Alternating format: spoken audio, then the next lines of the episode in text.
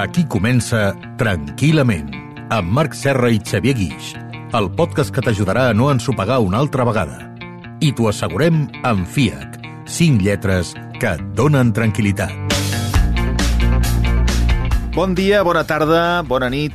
Uh, si escolteu aquest espai de manera cronològica, en el podcast d'avui tanquem la segona temporada del Tranquil·lament.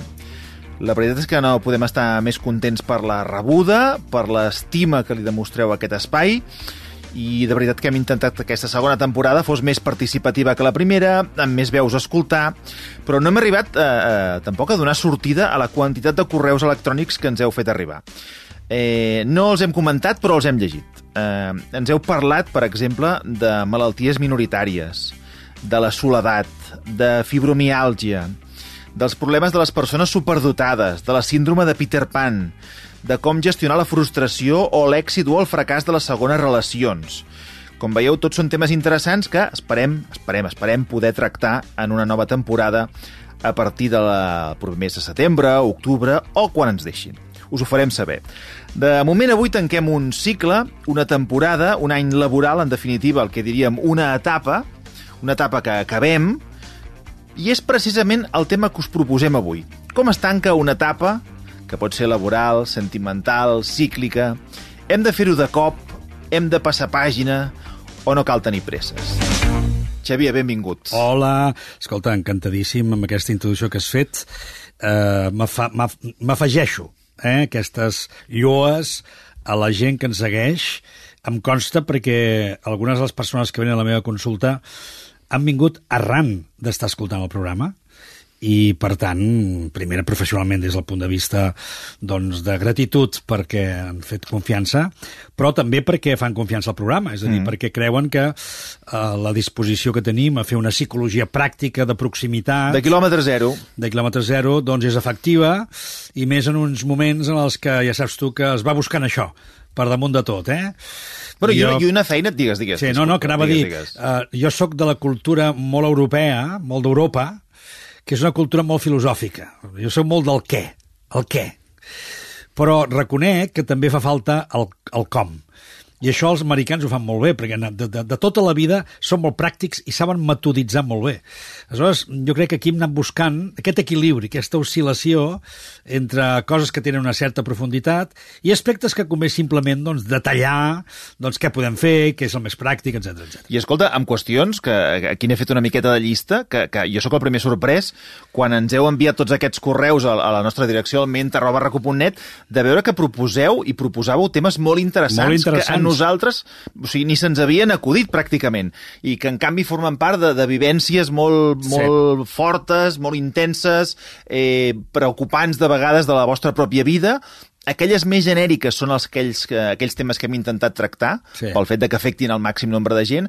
Aquelles més particulars potser ens costarà, però jo insisteixo en el que deia ara a l'inici, que gràcies per la confiança i també I que tingueu present que encara que no us responguem eh, quan, quan envieu el correu, que ho llegim, que, que sabem que hi sou i que us, agraïu, us agraïm també la, la presència i l'estima en, en aquesta segona temporada, tant de bon hi hagi I si una ha més, tercera. Doncs, atendrem tots aquests oh, temes, eh? perquè hi ha temes com el de la solitud, per exemple, que sí. és un gran tema, un temazo, sí, sí. d'aquests per tractar i totes les coses que han sortit aquí, els Peter Pans i tot això, eh, realment són temes molt interessants. Jo què t'anava a dir, quan estaves fent aquesta reflexió, recordo que l'última edició de la temporada passada vam parlar de quan s'ha d'anar al psicòleg. Exacte. I crec que el que fem mm, m'agradaria també, independentment de que si us serveix, escolta'm, feina feta, eh, i feina pagada i feina reconeguda, si us serveix una mica com a mínim de guia el que fem, sí. però que també me n'alegro molt que pugui arribar a servir per dir, escolta'm, eh, no passa res, vaig al psicòleg, sí. tinc un problema,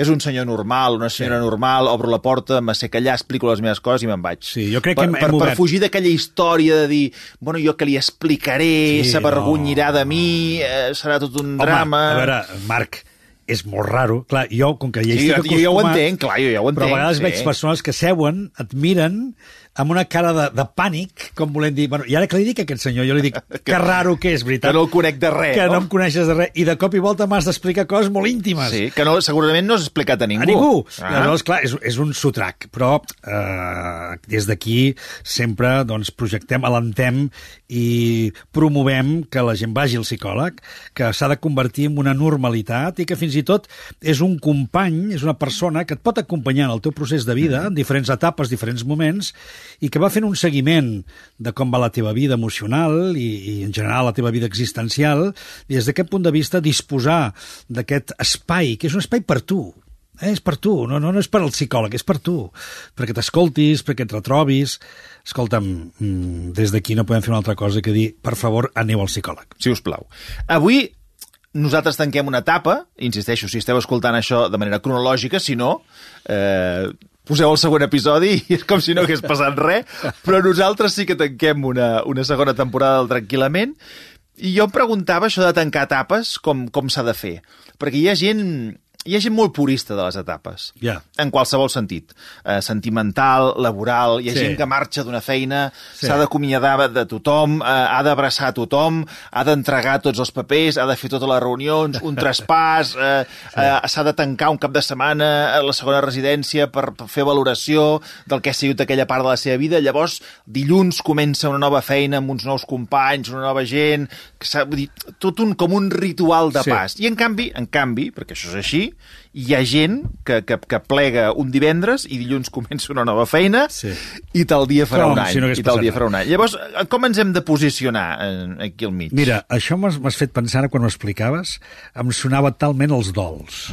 De fet, una, un tancament d'etapa no deixa de ser un petit dol, com un espai que es perd, no? que s'acaba. Aleshores, els dols, diem, sense entrar en el dol, eh? en, diem, hi han dues maneres de viure molt clares. Mm. Aquella gent que quan la persona doncs, ja ha mort, eh, davant, davant la situació del mort, mm. l'endemà se'n van a la casa i, ho- i ja ho repleguen tot Senyor. I agafen tots els mobles o agafen tota la roba i ho llancen tot. Va, donem-ho a Càritas, entreguem-ho, eh, llancem-ho, el que sigui. tota la raó, I en sí, canvi sí. n'hi ha uns altres que diuen no, no toquis res. Po pobre que toquis res, perquè sembla que li toquis una cosa essencial. Què vol dir? Hi han persones que fan net de seguida i hi han persones que necessiten fer com un dol, com una etapa.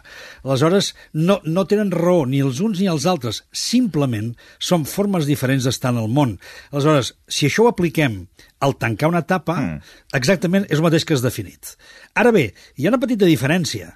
És diferent tancar una etapa que ja s'hauria d'haver acabat fa temps que tancar una etapa que saps que s'acaba. És a dir, que et diuen tal dia s'acabó. Ja. I per tant s'ha acabat el contracte, s'ha acabat el contracte, s'ha acabat l'etapa. S'ha acabat l'estar del pis, s'ha acabat l'estar del pis, me n'haig d'anar del pis. És a dir, és molt diferent saber-ho que no, que no, no saber-ho.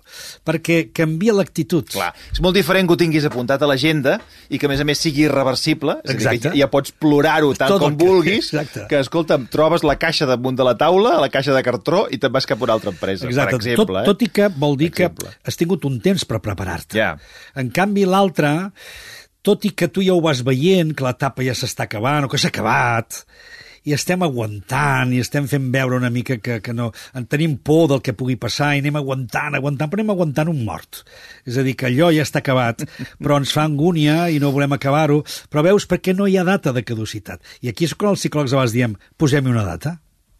Ah, ep, posem una data. Oh, però què vol dir? Vol dir això? Que, tal, que hem d'afrontar la situació. No, la, no, no vols afrontar-la ja? Cap problema, però posem una data. Tu creus que hi ha gent que si no posa dates no tancaria etapes? No tancaria etapes, però les etapes li caben al damunt, Que és pitjor. que és pitjor, perquè inevitablement quan una cosa està podrida, cau. És a dir, no, no té un altre destí que caure. Ara, hi ha gent que vol caure amb el precipici, vol, vull caure amb el barco. Pues, no, doncs no passa res, mira, és la teva, és la teva decisió. Això sí, deixa que els altres se'n vagin. si si te'n vols enfonsar tu amb el barco, enfonsa-t'hi, però deixa que els altres se'n vagin sense on volen anar. I com a actitud, eh, diguem-ne, per tenir una, una bona salut mental, quina recomanaries? És a dir, el passo pàgina, me n'oblido, hi ha una altra cosa? O creus que s'ha de fer un quadern de bitàcora per recordar els moments que he passat o els moments que he estat? Clar, o qui, qui, um, qui, què hem clar. de fer? Home. Perquè també, o sigui, això de tancar tapes, Sí. sí. val, d'acord, et vas a una altra feina, però hi ha gent que se'n va a una altra feina, i a més això em, em consta, i es passa un munt de temps recordant la que tenia abans. Sí. sí perquè jo abans estava molt bé, i abans Sí, no sé què, i abans sí. jo feia el que volia, i ara goita, no sé Sí, què. les comparatives. I, i, i, potser ho han triat ells, també, saps el que vull sí, dir? sí. Bueno, aquí, clar, mm, primer de tot, eh, ja és convenient que tanquem les coses. Aleshores, al tancar, arribat el moment, i si no ha arribat el moment, caurà, però quan caigui, o quan arribi el moment, perquè hi ha data estipulada, sí que és convenient, d'alguna manera, tancar. Aquest tancar no deixa de ser algo ritual, simbòlic. Per tant, no és que haguem de fer una gran festassa, una gran comèdia, una gran Bueno. allò... No, sí, Ah! no, Oh, calla! qui vulgui sí. Ah, és que hi ha gent que això ho tanca amb una festa o el que és- sigui, eh? Està molt bé, Ah? però és simbòlic. És a dir, al final... Una cosa, una cosa... Anem a buscar el simbolisme. L'altra Sí. cosa és quin simbolisme? Doncs mira, per mi que sigui una festa, per l'altre serà un enterro. Mm. Però sí que és important que hi hagi un tancament. I tancament vol dir, amb aquells que he estat, o amb aquella persona, o en aquell lloc on he viscut, doncs me n'acomiado. I acomiadar-se vol dir dir adeu i donar les gràcies. Perquè per bé, per mal, i he passat un temps de la meva vida aquí. I jo, per exemple, ja et diré una tonteria, però no sóc l'única persona, perquè quan ho he compartit, altres persones m'han dit que també.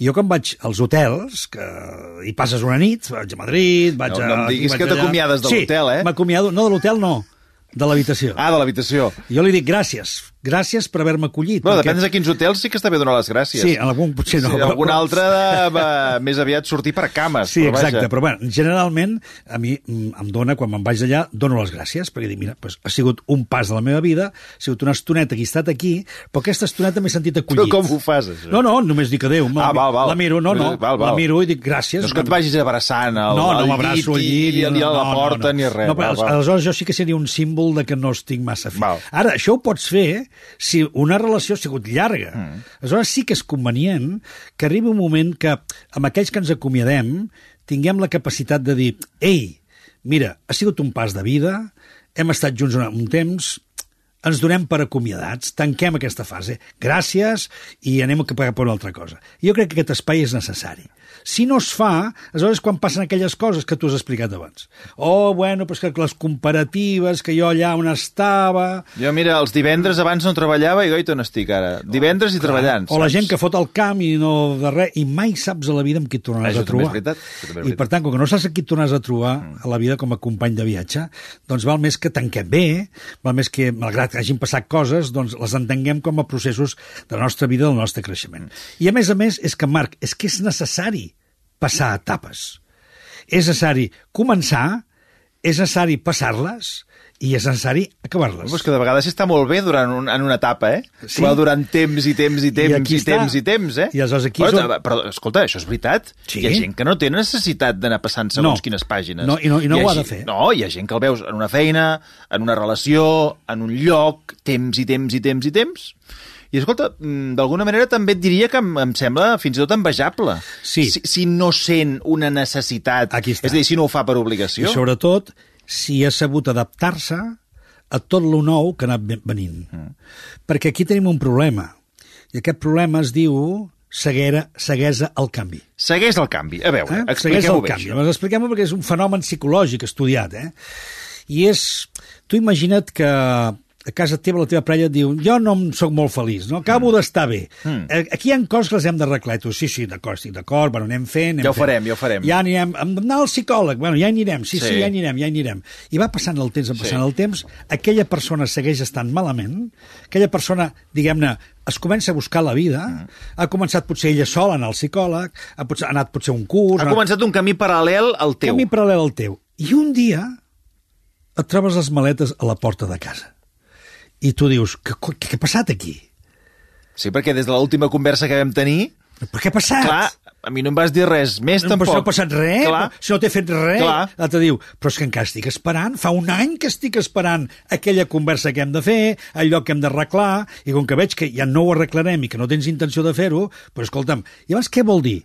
Que jo no m'he donat compte que l'altre estava canviant, que l'altre anava fent passes, que l'altre ja no estava al mateix lloc que jo.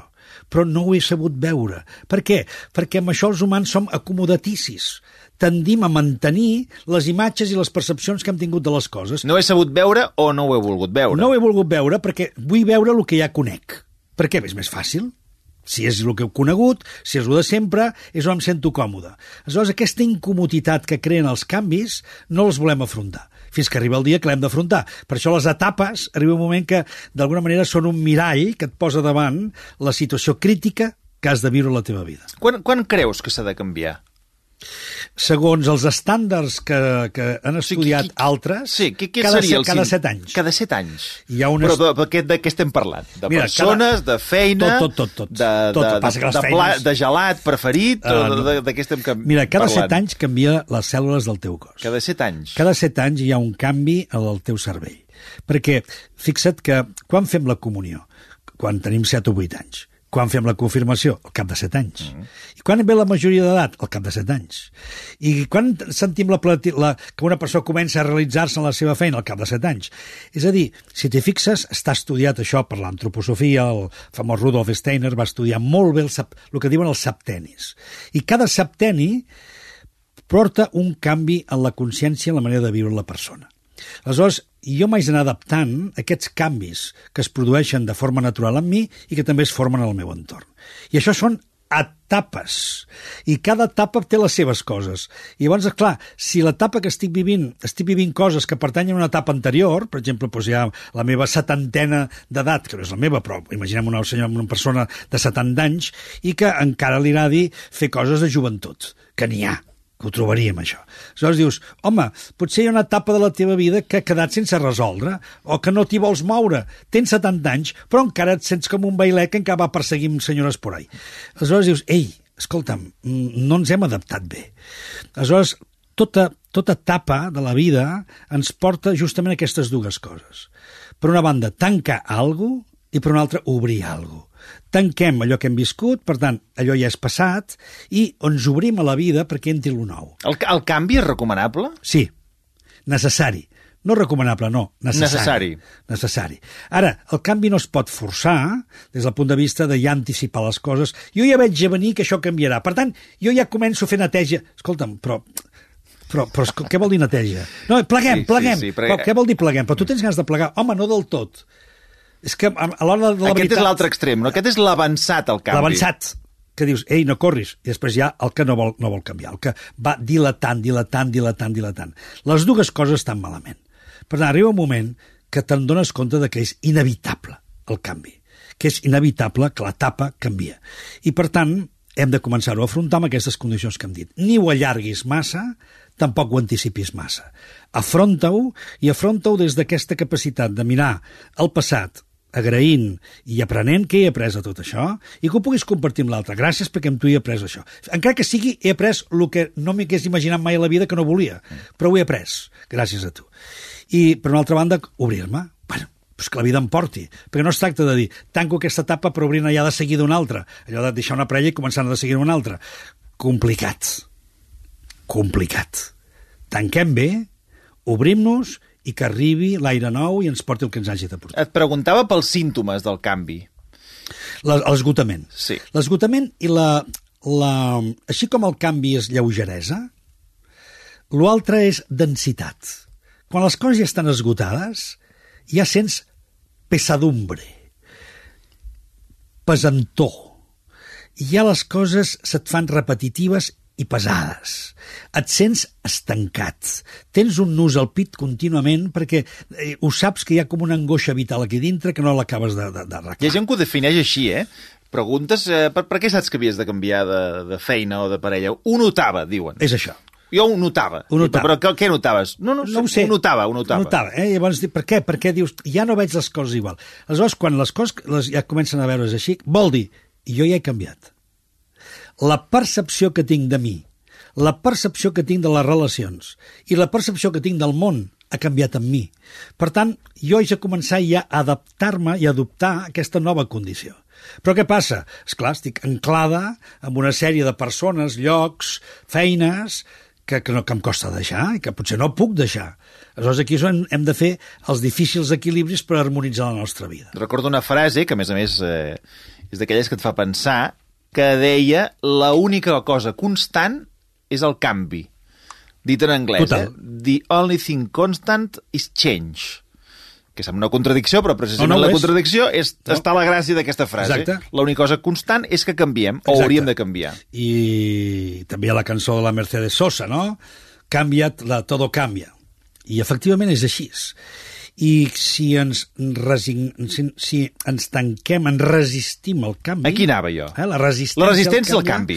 Això on ens pot portar? A la, a la depressió, al bloqueig, a la... A Clar, però tu has de triar entre la resistència al canvi, Sí. que sembla una cosa més raonable, que la por al canvi, que sembla una cosa que, bueno, a veure, no sé on aniré a parar.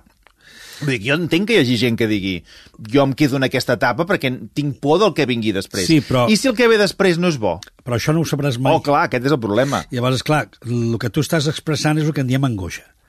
La por, sempre, la por és objectiva. Tinc por a alguna que està passant. En canvi, l'angoixa és subjectiva. És una creació de la meva ment que està fent prediccions sobre el que podria passar. Per tant, és una anticipació angoixant i aleshores això és el que comença a limitar-me. Però saps què passa, Marc? Que no hi ha ningú que pugui definir el futur. Ningú. I que això que et fa tanta por sempre l'estàs mirant amb els ulls d'avui. Què vol dir? Quan arribi el dia de que canvis o el dia que facis el pas, aquell dia seràs diferent del que ets avui perquè ja les coses les veuràs d'un altre color. I a més a més, les circumstàncies que trobaràs quan facis el canvi no són les que tens avui. Per tant, ens equivoquem quan volem considerar que allò que temem és exactament el que passarà. No ho sabem. I deixar una finestra oberta. I en aquest eh, sentit em refereixo, per exemple, quan hi ha un canvi de relació, un canvi de parella... Hi ha gent que és molt mm, contundent. Aquesta època s'ha acabat, aquesta relació s'ha acabat, Prou. aquest matrimoni s'ha acabat, prou. O una altra cosa, oblidar totalment. Aquesta feina jo no en vull saber res, eh, aquest senyor que és el meu jefe mai més a la vida, aquest sistema de treballar mai més a la vida, però i quan deixem una porta oberta a tornar? I quan Ja. recordem amb una certa nostàlgia el que teníem? És, és, és, Corrent d'aire. és- Portes obertes, finestres obertes, corrent d'aire. I corrent d'aire, refredats, malalties, etc etc i a més a més se'ns pot colar qualsevol. No, no, tancar és tancar. Que després, al cap d'uns anys, et retrobis i tu hagis fet canvis, l'altra persona hagi fet canvis i digui, mira, és que no som els mateixos, però encara hi ha aquella cosa... Ah, doncs, bueno, doncs ne, ne, explorem, però explorem-ho des del present d'avui. En canvi, aquesta consideració de em guardo una carteta per si de cas, mm. això és jugar malament. No jugar malament. Jugar a, a, a carta segura, No. més que malament. No, no, això és, això és jugar a voler-lo, a no voler perdre res. A voler-ho tenir tot. I si ho vols tenir tot, al final no tens res. Per tant, val més que t'entreguis absolutament al canvi i les coses que arribin, que arribi el que hagi d'arribar. I si han de tornar, si és que han de tornar, ja tornaran. Però, per favor, no mantinguis una, un as sota la màniga per si de cas, perquè això és jugar amb puteria. I això és voler-ho tot, i a més a més, això vol dir que encara no has tancat l'etapa. Parlant de tancar, tanquem. Amics, amigues, família, moltíssimes gràcies i fins molt aviat. Fins aviat.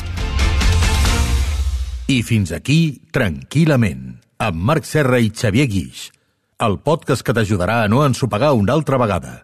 I t'ho assegurem amb FIAC, cinc lletres que et donen tranquil·litat.